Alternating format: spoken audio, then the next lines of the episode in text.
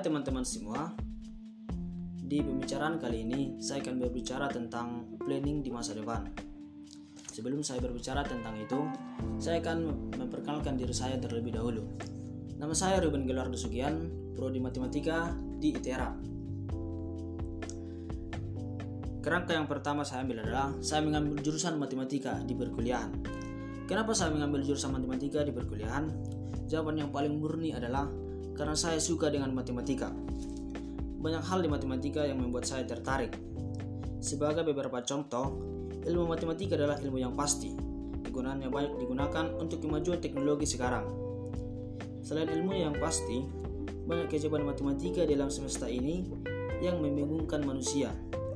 Dan saya tertarik dengan kebingungan itu. Itulah sedikit mengenai alasan saya kenapa saya suka dengan matematika. Yang kedua, saya akan berbicara tentang planning yang saya buat untuk masa depan.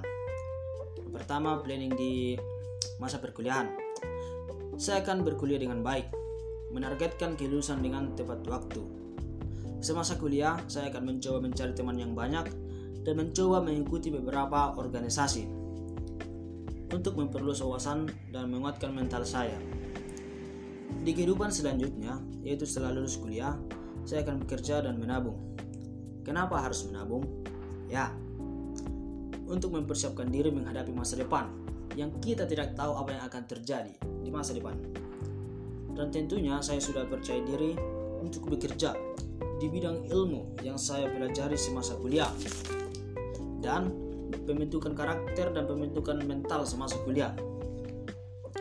Untuk planning jangka panjangnya, setelah impian masa muda saya sudah tercapai, saya akan mengambil tujuan yang lebih lagi, seperti berkeluarga, memikirkan kesejahteraan, memikirkan ketenangan semasa pensiun, dan lain-lain. Okelah teman-teman, sekian dulu pembicaraan saya tentang planning masa depan. Terima kasih semuanya. See you.